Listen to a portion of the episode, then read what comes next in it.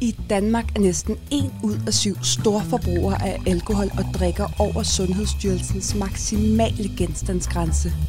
Det betyder også, at ca. 122.000 børn lever i familier med et decideret alkoholmisbrug. Og det har alvorlige konsekvenser for børnene helt ind i voksenlivet. I denne podcast skal vi kigge nærmere på alt det, der kan fylde, når man er voksen barn af en alkohol- eller stofmisbruger. Velkommen til endnu et afsnit af Tømmertanker. I dag skal vi høre en personlig beretning. Derfor har jeg besøg af Freja, som er frivillig og medlem i Tuba Nu, som er et fællesskab for voksne børn af alkohol- og stofmisbrugere, med en vision om at sprede viden om emnet. Freja, vil du præsentere dig selv? Ja, det kan du tro. Jamen, øh, jeg hedder Freja, og jeg er 27 år, og øhm, jeg bor på Nørrebro sammen med min kæreste. Og så arbejder jeg til dagligt inde øh, på Red Barnet. Hvad laver du inde på Red Barnet? Jeg er øh, det, man kalder projektmedarbejder, så jeg sidder på et øh, frivilligt drevet projekt lige nu, øh, og udvikler det og understøtter det. Hvis ikke begge, hvem af dine forældre havde så et misbrug, og hvilket slags misbrug havde de? Hjemme hos mig var det min far, som havde et misbrug øh, af piller. Og øh, man kan sige, at min mor havde ikke et misbrug, men var øh, ret medmisbrugende i misbruget, så hun var ligesom en, en ret stor del af, at det kunne finde sted. Øh, men han er clean i dag, så, så der er ikke noget misbrug længere. Det var godt. Hvornår gik det op for dig, at din far havde det her misbrug? Jamen det er egentlig sådan et lidt sjovt spørgsmål, fordi jeg tror, at i mange år af min barndom og ungdom har jeg ligesom godt vidst, at der var et eller andet, eller han, han havde det dårligt. Øhm, men det var først ret sent omkring slutningen af min gymnasietid, at det var ligesom ordet misbrug, der kom ind i familien, og at der kom en misbrugsbehandler på, og han endte også med at øh, bo på et misbrugscenter i, i, i et stykke tid. Så det var der, det gik op for mig, at, at det reelt set var, var, var misbrug, der foregik og havde foregået i mange år, men bare havde været rigtig skjult. Hvem tog initiativ til behandlingen? Øhm, jamen, der er også mange ting, jeg stadigvæk ikke tror, at jeg helt ved om, om hele forløbet, og mange af tingene føler jeg også, at jeg har lidt glemt og været lidt i tog og sådan, men øhm, omkring der i slutningen af gymnasietiden, der, der, sådan, der øh, spidsede det lidt til, og hans misbrug blev mere end blot piller, det blev også alkohol. Øhm, og når der kom alkohol og flasker indblandt, så blev det også lidt mere tydeligt, og jeg opdagede også, at der var nogle flasker gemt hister her, og jeg tror også, at min mor kunne se, at nu kunne, nu kunne hun heller ikke skjule det længere, og nu havde han reelt set brug for noget, noget rigtig hjælp til det her. Øhm, så der besluttede hun også at sige til ham, at hvis ikke at du går i behandling, så, øhm, så kan jeg ikke leve med dig mere. Så jeg tror, at det for min far blev sådan et ultimatum mellem, at enten skal jeg komme i behandling og få styr på mig selv, og ellers så mister jeg faktisk min familie. Så han startede med hjemmebehandling, kan jeg huske, hvor der kom en misbrugskonsulent hjem hos os, og han fik noget antabus og nogle samtaler – og det gik et par måneder, indtil han så fik et tilbagefald der. Og så omkring et halvt års tid efter, så øh, besluttede han sig nærmest fra den ene dag til den anden at blive indlagt på et behandlingshjem. Og var der i tre måneders tid, tror jeg.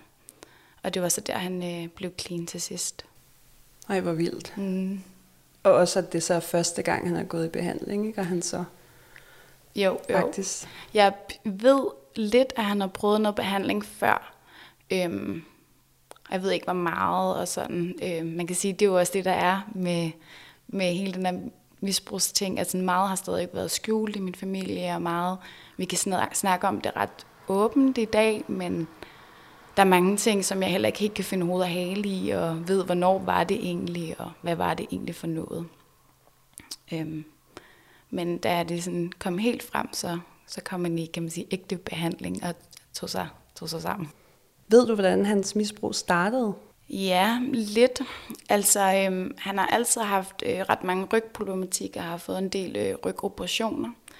Og igennem det fik han noget meget, meget stærkt smertestillende og en masse piller. Og så tror jeg, at han, øh, han blev klog i det og fandt ud af, at det ikke kun øh, dulmede de fysiske smerter, men også øh, kan man sige, de psykiske smerter. Og så blev han afhængig af det på den måde, at han kunne ikke lade være med at tage dem. Øhm, og jo også fik enormt mange abstinenser, når han ikke tog dem. Øhm, og det var ligesom i den rutsjebanetur, at, øh, at han, han kunne blive voldsom, når, der ikke, altså når, når han fik abstinens, og når han ikke fik taget pillerne. Og hvor gammel var du, da hans rygproblemer startede? Jeg tror, jeg har været måske 8, 8 9, 10 år. Øhm, det er i hvert fald, hvad jeg husker. At det er der, at... Øh, men, men det kan også være tidligere, for man ikke kan huske. Altså, Ja. øhm, men det er det, det der sådan, står, står klart for mig deromkring. Okay. Da du så opdagede din fars misbrug i gymnasietiden, hvordan reagerede du på det? Øhm, jamen, jeg opdagede faktisk det med, med alkoholen på en lidt, øh, lidt en spøjs måde, fordi det var lige omkring min gymnasietid, og jeg har en lillebror, der er to år yngre end mig. Så han var også begyndt at gå lidt til fester og drikke alkohol. Og jeg havde en del alkoholflasker inde øh, på mit værelse for nogle fester og for noget gymnasie. Øh, halløj. Og jeg kunne godt se, at de der flasker blev sådan, der er blevet drukket af dem, og jeg troede faktisk bare, at det var min lillebror, for jeg tænkte, ah, mor og far må ikke vide, at du begynder at drikke alkohol, så ved du hvad, det siger vi ikke til nogen. Og så en dag, kan jeg huske, så blev vi faktisk lidt uvenner, og så siger han, du skylder mig også rigtig mange penge for alt det alkohol, du har drukket ind på mit værelse. Og så siger han, jeg har altså ikke drukket noget alkohol. Og så, kunne jeg, så begyndte de der brækker lidt at falde på plads, og jeg tænkte, altså, hvad er det for noget? Og så kunne jeg finde mine flasker rundt omkring derhjemme. Og det var ligesom også der, hvor at misbruget blev tydeligt, fordi der, så kom flaskerne altså frem. Øhm, og det var også i den forbindelse, at øh, han kom i behandling blandt andet også for antibus. Øhm, og i, i den tid, der, øh, min, jeg tror, min reaktion var meget, altså øhm, i, og, helt op til det ligesom bliver offentliggjort, eller sådan at det, der kommer misbrug på banen, så har jeg altid passet meget på ham, og sørget for, at han ikke blev sur, eller sådan gået med den der hemmelighed om, at der foregik noget derhjemme. Men da det ligesom kom ud, der, øh, der blev jeg meget vred, og synes, det hele var uretfærdigt, og følte, han havde ødelagt vores liv, og han skulle, han skulle ikke have noget med mig at gøre længere. Så i lang tid var jeg meget vred på ham over det. Øhm, og jeg tror også, at den, den vrede, den følger stadig ikke med. Jeg har lært at tilgive ham, og jeg forstår nu, hvad misbrug er, og forstår sygdommen, så jeg kan godt sådan slippe freden, og jeg er ikke, jeg er ikke vred længere, men, det, men den kan stadig godt poppe op en gang imellem, at jeg, jeg synes, det er uretfærdigt. Hvordan var det for dig at vokse op i et hjem med et misbrug? Jeg tænker det tit som, øh, at der var lidt sådan en djævel øh, hjemme hos os, der boede der. Øh, fordi nogle gange var det helt almindelige familier, der var glæde, og meget kernefamilie, som, alle, som mange andre familier. Og så andre tidspunkter, så var der ligesom en djævel, der, der herskede derhjemme, hvor at øh, skabte enormt dårlig stemning, og øh, den der, øh, at det sådan hele kunne eksplodere lige pludselig. Um, og det var, for mig er det lidt sådan en, og det misbruget vil altid være sådan lidt en djævel, der er i min far, fordi han kan være en fantastisk og kærlig og dejlig mand. Men den lever lidt stadigvæk derinde. Han har lært at deal med den nu, men jeg kan stadigvæk fornemme, at den, den kan være der lidt. Og i min barndom og ungdom, der herskede den der djævel der lidt meget, at øh, alt var meget uforudsigeligt. Øh, man vidste ikke helt, om djævlen var... Djævlen kunne både være øh, sådan meget stille, og øh, den der stillhed kan, var, var virkelig ubehagelig at leve i, for man ikke helt vidste, hvad betød stillheden. Må jeg sige noget, må jeg ikke sige noget? Eksploderer vi lige om lidt, eller må jeg tænde for fjernsynet, eller det er det, der gør det? Øhm, og så kunne djævlen også ja, gå helt amok. Øhm, lige pludselig kaste med tingene, eller råbe, eller så som barn var det den der uforudsigelighed, om at man ikke helt vidste, når man kom hjem, hvad det var for en stemning, man kom hjem til. Og øh, når han kom ned, han øh, sov også meget, fordi han havde ondt og havde det dårligt. Så jeg husker den der med, at han lå op i sengen og sov, og så kom han ned, og jeg stadig huske sådan fodtrinene, og man vidste lidt, hvad det var for nogle fodtrin, der var de gode, og hvad for nogle, der var de dårlige. Og så, så skyndte man sig rundt og, og passe på, hvis der var et eller andet, man vidste kunne trigge noget. Øhm, der var sådan en, øh, en sjov ting, at med at han skulle se tv-avis, når han kom ned, for eksempel. Så man lærte hurtigt at slukke for børne eller fjernsynet, og så gøre klar til, at han kunne se tv-avisen, for eksempel. Hvis at der var de, de dårlige fodtrin ned af, af gangen. Så jeg tror, at det jeg der har påvirket mig mest, det er den der ja, uforudsigelighed, og at man ikke helt ved, og hvad stemningen er i dag. Det lyder jo næsten lidt sådan psykisk voldeligt også. Følte du det, eller følte du, at det var, at det var misbruget, der sådan overtog ham? Hmm, ja, det er et sjovt øh, sådan ord at sætte ind, fordi øh, jeg tror, jeg lidt tænker det som, at det er en del af alle de her misbrugsmønstre, det der er ved at vokse op med misbrug i hjemmet, det er jo en form for psykisk vold, fordi ja. det kontrollerer alt. Ja. Og at hans misbrug gjorde, om vi havde en god eller dårlig dag, og at det var ham, der skulle sætte stemningen derhjemme. Øh, så det, man kan sige, det, det bliver lidt en form for psykisk vold, når der er misbrug i hjemmet. Ja. Øh, men jeg ser det som, som i dag, det gør ikke så meget dengang, men som en sygdom, der var i familien, og som, som var i min far i den periode og gjorde de ting mod os.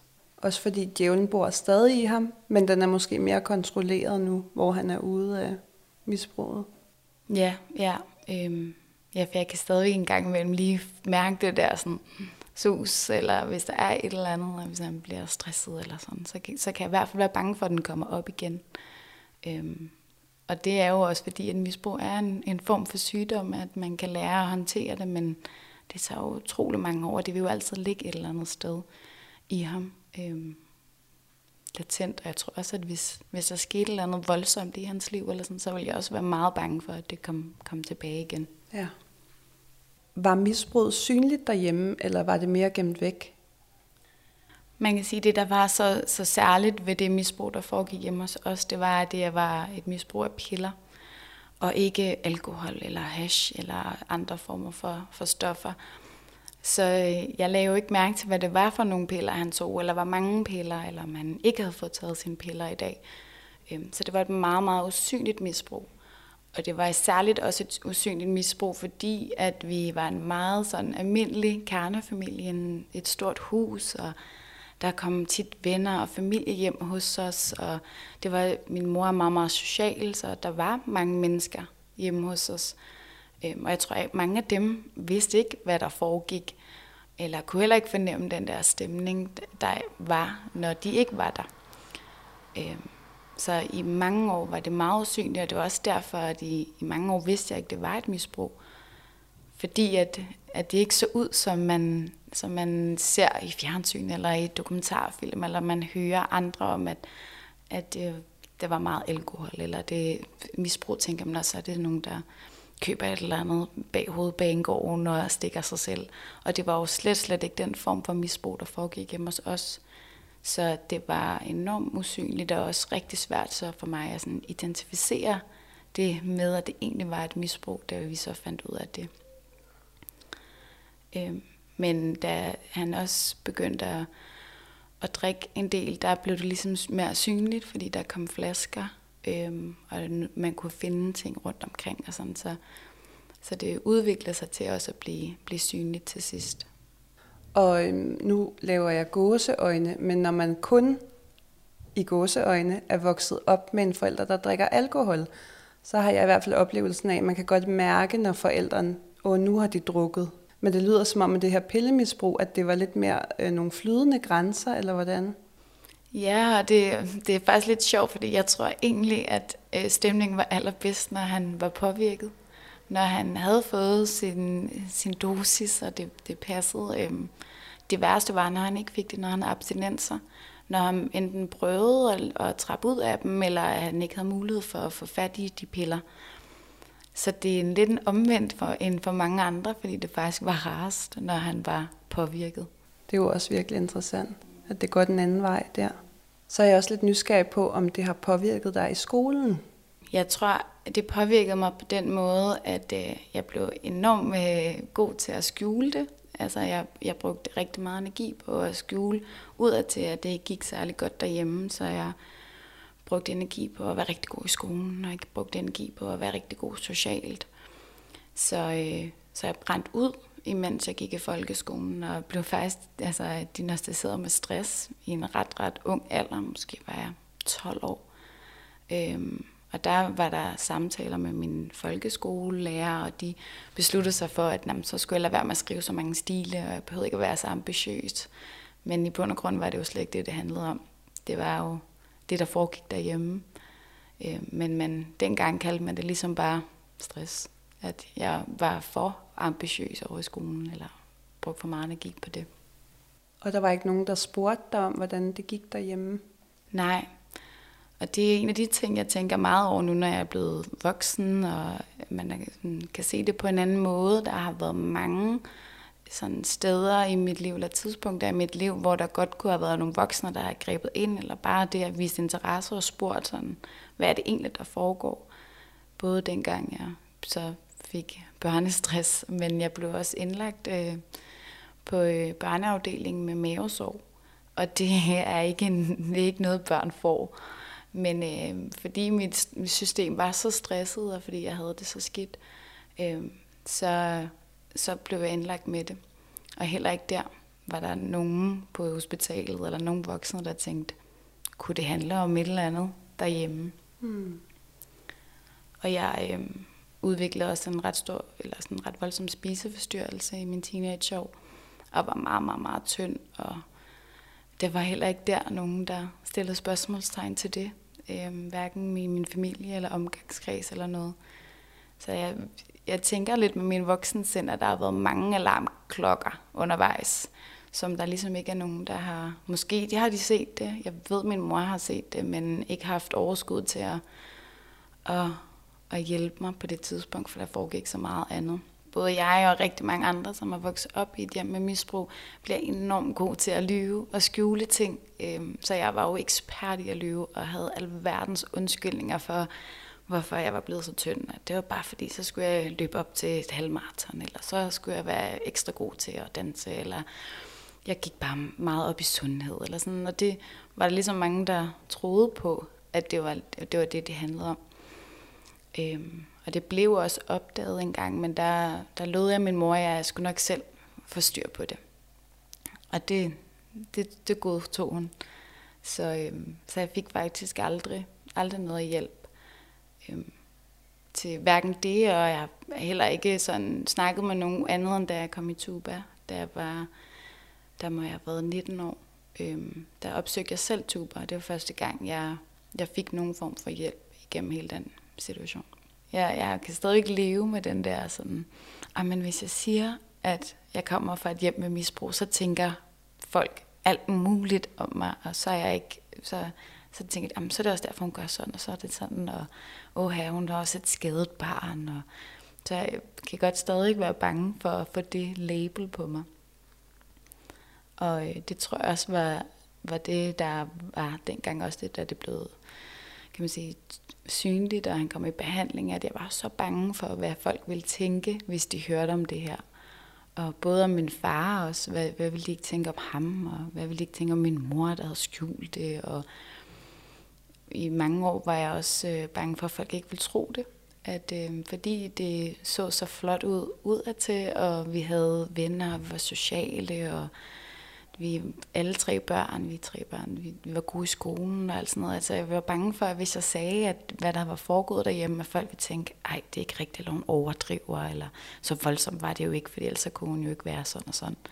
Så jeg har været rigtig bange for, for at sige det højt. Og hvornår og hvordan begyndte du så at sige det højt, da du gjorde det?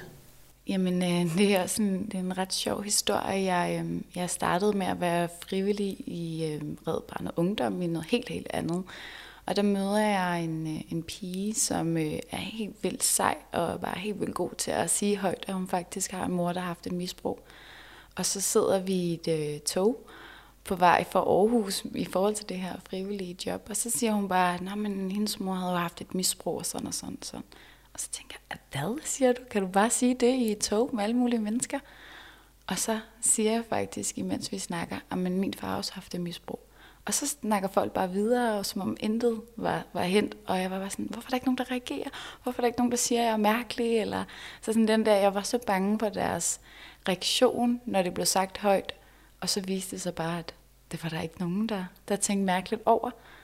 Så, så for den, den dag kan jeg huske, at jeg måtte skrive, men jeg kendte hende ikke helt vildt godt. Jeg måtte skrive til hende bagefter, du skal lige vide, hvad det gjorde, at du kunne sige det højt det gjorde faktisk, at jeg for første gang nogensinde turde putte min far og misbrug sammen i en sammensætning foran andre mennesker.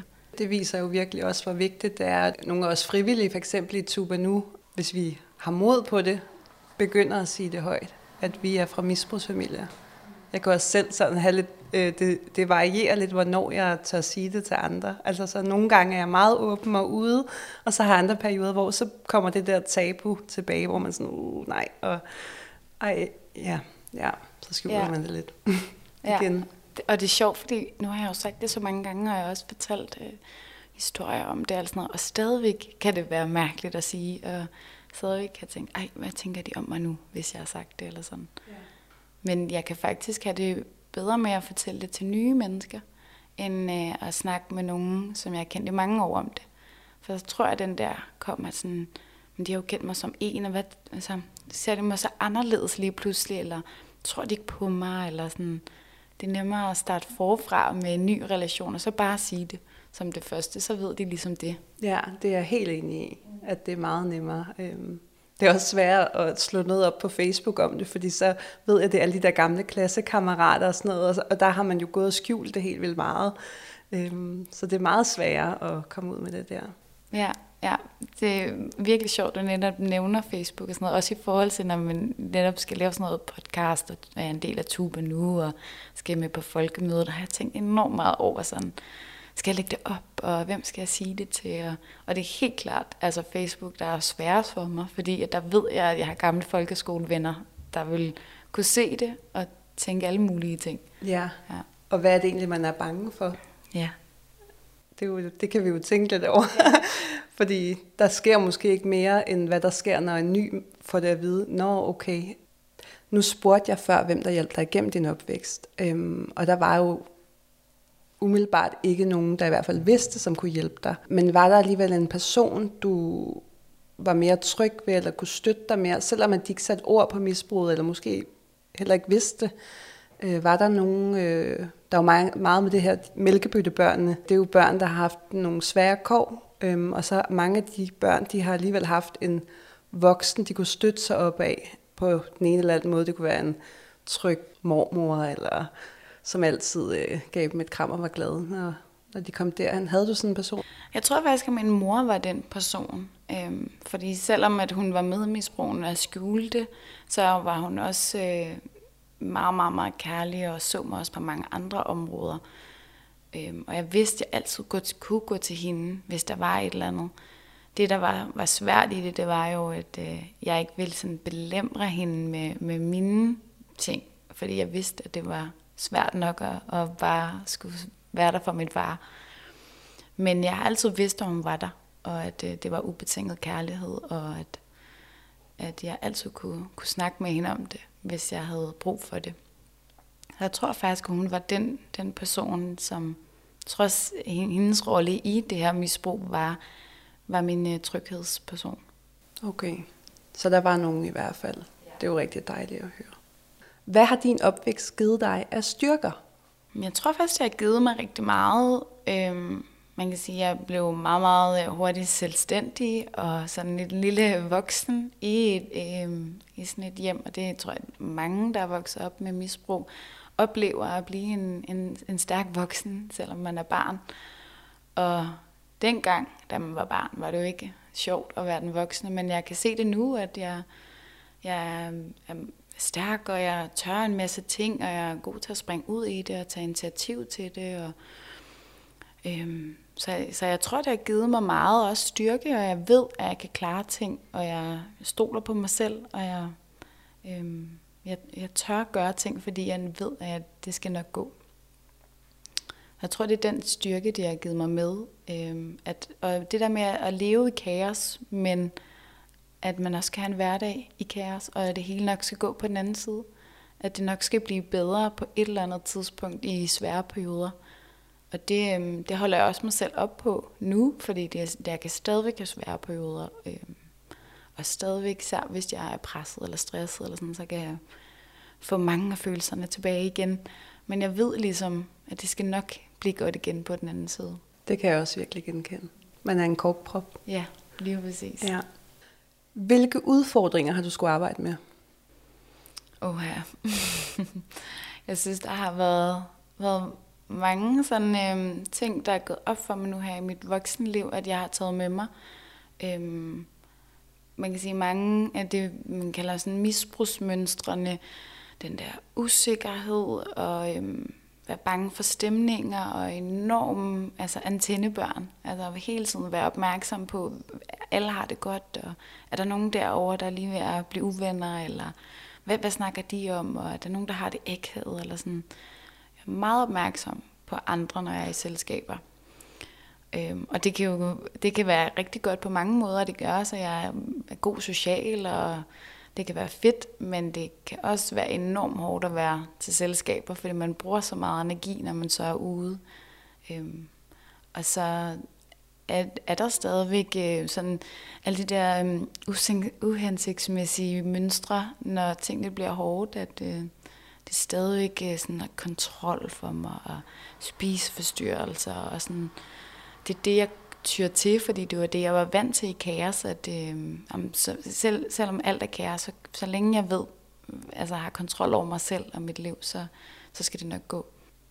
Jeg tror, jeg har været heldig, at øh, jeg ikke selv har udviklet et misbrug, men, øh, men jeg, jeg kan godt sådan se mange af de der sådan, det med at være selvdestruktiv, som jo også er et misbrug at så er det ikke øh, piller eller alkohol, jeg har udviklet misbrug på, men jeg kan godt have, være selvdestruktiv, både i mine tanker og mine handlinger, og øhm, hvis jeg begynder at blive stresset og sådan, så, så popper alle de der selvdestruktive ting op. Og det er, er noget, jeg stadigvæk kæmper med i dag, og selvom jeg har været i terapi og også noget kropsterapi og arbejdet med det mange gange og vant til at snakke om det og virkelig god til nu at sætte ord på det, så ligger det der bare latent. Så snart, at jeg bliver presset nok, så det er ligesom det, der jeg tyr til, at det er det, der kommer op. Hvad fik dig til at søge hjælp? Jamen, jeg søgte hjælp et års tid efter, han havde, øh, han blev clean, og han havde været i behandling.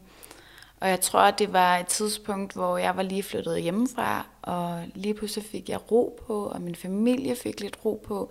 Så jeg følte faktisk også, at det, arbejde, det job, jeg har haft hjemme hos min familie med at få styr på det hele og holde det skjul og sikre, at alle havde det godt, der var jeg jo, det, det behøvede jeg ikke længere, fordi at min far havde ikke et misbrug mere, og mine forældre havde det godt, og jeg var flyttet hjemmefra. Men så gav det jo så jeg tid til at tænke over alle de ting, der det havde gjort øhm, for mig. Så jeg fik det faktisk enormt dårligt, øh, da jeg flyttede hjemmefra. Og det var også voldsomt for mig, at jeg flyttede alene i en lille lejlighed. At det var meget stille og mange tanker lige pludselig. Og så tror jeg, det var min mor, der nævnte, at der var det her, der hed Tuba, hvor det var gratis terapi, og øhm, man kunne bare prøve at se, hvad det var. Jeg kunne, jeg kunne prøve at undersøge det. Så jeg kom ind til en forsamtale, hvor man øh, starter med at lave sådan en lidt depressionstest øh, og en lille snak. Og her var jeg også igen faktisk bange for, at jeg ikke var berettiget til den her hjælp. At det ikke var et voldsomt nok misbrug, eller det var ikke det rigtige misbrug, eller sådan. Så jeg tror, jeg kom der ind med sådan lidt et forbehold om, at men jeg er nok ikke den rette her. Så fik jeg taget den test, og hun kigger bare på mig og siger, du, vi laver en tid til dig, og du skal selvfølgelig starte herinde. Og jeg tror, det var rigtig godt, at der var en voksen, der kiggede på mig og sagde, jeg, jeg kan se, du har brug for hjælp, og det vil vi gerne give dig. Så jeg startede et forløb der, et og halvt års tid, øhm, som var helt vildt fantastisk. Og der er jo rigtig mange, der kommer ind til Tuba og tror, at de ikke er berettiget til hjælp, men det er langt de fleste jo. Hvordan hjalp det dig så at få terapien? Jeg tror, det med faktisk bare forvente tingene med, med en anden, der ikke har været i familien. At jeg kunne få lov til at fortælle min historie, og fortælle, hvordan det har været for mig at, øh, at bo i det. Øhm, og så fik jeg også en indsigt i, øh, hvad misbrug er for noget, hvad er det for en størrelse, og, og der var også enormt meget sådan... Øh, vrede, jeg skulle have ud med, og det, øh, det, det tror jeg, at terapien gjorde, at jeg fik lov til at være vred, og jeg fik lov til at synes, det var pisse uretfærdigt, og det var tavligt, det skulle gå ud over mig, og at, at jeg nu skulle leve med alle de ting, fordi min far havde et misbrug. Og det var der rum for, at jeg kunne være vred og sur. Og vi så kunne arbejde med den vrede og vente om til noget godt. Og jeg lærte også i processen at, og øhm, sætte ord på mine følelser, og sætte ord på øh, det, jeg havde oplevet, sådan så jeg også kunne snakke med mine forældre om det. Så i, i, øh, i den tid, jeg gik i terapi, snakkede jeg både med min mor og far om mine oplevelser, og det tror jeg ikke, jeg havde gjort, hvis ikke det var fordi, jeg fik lov til der at sætte ord på det. Og øhm, skrev et brev til min far. Og sådan. Så der var, der var mange ting, der gjorde, at jeg sådan kunne gå tilbage til min familie og, og fortælle, hvordan det havde været for mig at være, være barn i det. Og øhm, undervejs, jeg gik i terapi, så øhm, min far øh, han øh, startede til NA-møder, som er ligesom AA-møder, bare for ja, dem, der har et stofmisbrug. Og øhm, så deltog jeg også i dem en gang imellem, for jeg havde simpelthen brug for at forstå, hvad er et misbrug, og hvordan kan et voksen menneske og en far sætte sit misbrug over sine børn. Det var så uforstående for mig, det var det, der var så uretfærdigt, synes jeg. Og det er ligesom at komme der og høre de forskellige historier, og også høre om, hvor, hvor svært det er for misbrugeren. Altså, jeg har jo kun set det fra barnets side af. Så det gav mig en enorm stor indsigt i, hvad er misbrug for noget. Og det gjorde, at jeg ligesom kunne lære at tilgive min far, og faktisk vente om og synes, det var helt vildt sundt for ham også, at han har skulle leve med det i så lang tid. Ja, og det kan jo være forskelligt, hvordan forældre tager imod, når man begynder at tale højt om, at misbruget har været svært for en. Det lyder som om, at de tog godt imod det. Var det din oplevelse? Ja, jeg tror, jeg var enormt heldig, at, øh, at begge mine forældre i samtidig jo arbejdede med deres. Øhm, og, det, og de er begge to nogen, der er gode til at sætte ord på det, og man må gerne snakke om sine følelser, og det der er svært i min familie. Og vi må også gerne snakke om misbruget, både altså ikke lige da det var stå på, men efter han var blevet clean, kunne vi godt snakke om det. Vi kan sagtens snakke om det i dag. Vi er også nået dertil, hvor vi godt kan grine af ting, der var øh, dengang. Og det tror jeg har været en stor del af min sådan øh, helingsproces, eller sådan, det jeg har fået det så godt i dag, det er, at det ikke er en hemmelighed i min familie længere, og at man også kan sige, at det var faktisk pisse hårdt, eller det var svært dengang og dengang, og sådan. Og der er også blevet sagt undskyld hele vejen rundt. Altså, min far har undskyldt over for mange af de situationer, der har været, og han har snakket med alle os børn om, hvorfor han har været, som han har været, og det samme har min mor. Så der har været en stor, kan man sige, sådan bearbejdningsproces i, i familien efterfølgende, som nok er, er grunden til, at vi kan være en, en familie i dag. Øhm, ellers så tror jeg, det kan ødelægge rigtig meget, hvis ikke at man kan komme på den anden side på den måde og kan, kan snakke om det sammen. Det er dejligt at høre positive oplevelser. Jeg ved, du skrev en tekst om din historie, da du startede i Tuba. Er det noget, du kunne have lyst til at læse op for os? Ja, det kunne være meget sjovt. Jeg voksede op i en kernefamilie, bestående af en mor, en far og tre børn i en hvid villa i Nordsjælland. Der var aftensmad kl. 18, og en mor, der stod op om morgenen og sendte sine børn i skole. Alle tre børns venner strømte ind og ud af villaen, og alle elskede at komme der. Det ingen vidste var, at den her kernefamilie ikke var en helt almindelig familie. Familien gemte på en kæmpe hemmelighed, som alle skjulte til perfektion, og ingen snakkede om. Vi var nemlig en misbrugsfamilie. Min far var misbruger størstedelen af min barndom og ungdom. Jeg er 22 år i dag, har allerede været på mit første afvendingssted, deltaget i mit første NA-møde, haft besøg af en misbrugskonsulent og fejret mærkedage, og jeg har aldrig taget stoffer. Det har min far til gengæld. Vi var bare ikke en typisk misbrugsfamilie. Sådan en, som der blev talt om i medierne, og som DR lavede dokumentarer om. Misbruget blev skjult bag en kernefamilie, men det gjorde ikke, at misbrugsmønstren ikke fik lov til at blomstre. Mønstrene fyldte faktisk hele huset, og alle måder at agere på. Rollerne blev hurtigt tildelt. En mor, som var medmisbruger, vil ikke at stoppe misbruget, men fejde under tæppet og prøve at skjule det. Og tre børn, der gik i skole med smil på læben og ikke fortalte om, hvad der foregik derhjemme. Hvem skulle have troet, at faren i denne familie var pillemisbruger? Huset flød ikke med gamle øldåser eller vodkaflasker, og pillerne var han ekspert i at gemme, så dem så man heller ikke. Men misbruget var der. Mønstrene og stemningen et misbrug kan skabe var der. Det var bare ikke noget venner og gæster så. Som barn i en misbrugsfamilie mærker man det, og det må ingen være i tvivl om. Måske er et misbrug ikke synligt, men det er meget mærkbart. Hvor var det bare en fin og vigtig tekst. Tak. Tak. Hvordan er dit forhold til dine forældre i dag? Det er faktisk enormt godt. Vi er endt et helt vildt øh, godt sted, alle sammen. Øhm, alle børn i familien, og både min mor og min far. Nogle gange kan jeg faktisk øh, tænke, at det ikke var min familie, der, øh, der var der for 10 år siden. Øhm, fordi at det nu, nu går så godt.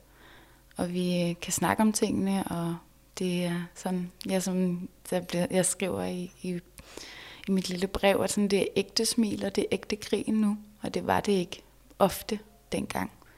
Øhm, så var det ligesom for at skjule noget, og det føler jeg ikke længere, der. er.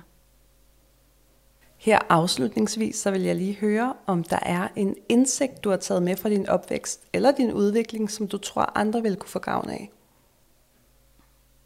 Ja, det er et meget godt spørgsmål. øhm, jeg tror, at øhm, jeg tror, at det, der er vigtigst for mig at, sådan, at sige og fremhæve, og også derfor jeg medvirker i, i dag og, prøver at bruge min historie, det er det her med, at, at misbrug kan se ud på så mange forskellige måder, og at, at, vi, at selvom at der ikke det ikke flød med, med flasker, eller selvom at det ikke så ud, som man forestiller sig, at misbrug skal se ud, så er det et misbrug, og det er utrolig mærkbart, og man kan leve med de samme senfølger, selvom at misbrug er så forskelligt. Og selvom at man møder nogen, der har en, det, at ens forældre har haft det samme stof som misbrug, så, øhm, så kan det være tusind forskellige historier. Så jeg tror, det er det, der har sat sig mest i også min rejse her, når jeg snakker med alle andre i Tuba nu, at vi har så forskellige historier, men alligevel har vi så mange ting til fælles. Og vi kæmper ofte med meget af det samme, og det er også derfor, det er så rart at høre andres fortællinger og, og have det fællesskab, som blandt andet Tuba nu også kan give. Mange tak, Freja, fordi du vil komme og dele din fortælling. Sådan slutter vi endnu et afsnit af Tømmertanker. Hvis du er nysgerrig på, hvad vores forening og fællesskab er for en størrelse, så tjek os ud på Instagram eller på vores hjemmeside tubanu.dk, hvor du også kan melde dig ind for kun 150 kroner om året. Som medlem har du mulighed for at deltage i en masse sociale arrangementer som klatring, spilaftener, kaffesmagning, keramik, subsurfing. Der er alt muligt fedt, piknik, naturevents og you name it. Foreningen har afdelinger spredt ud over hele Danmark, og du kan se alle fremtidige begivenheder på vores Facebook-side. Hvis du kan lide vores podcast, så gå gerne ind på din podcast-app og giv den fem stjerner og eventuelt nogle ord med på vejen. På den måde så kan vi nå ud til endnu flere lyttere. Tak for dig, og fordi du lyttede med.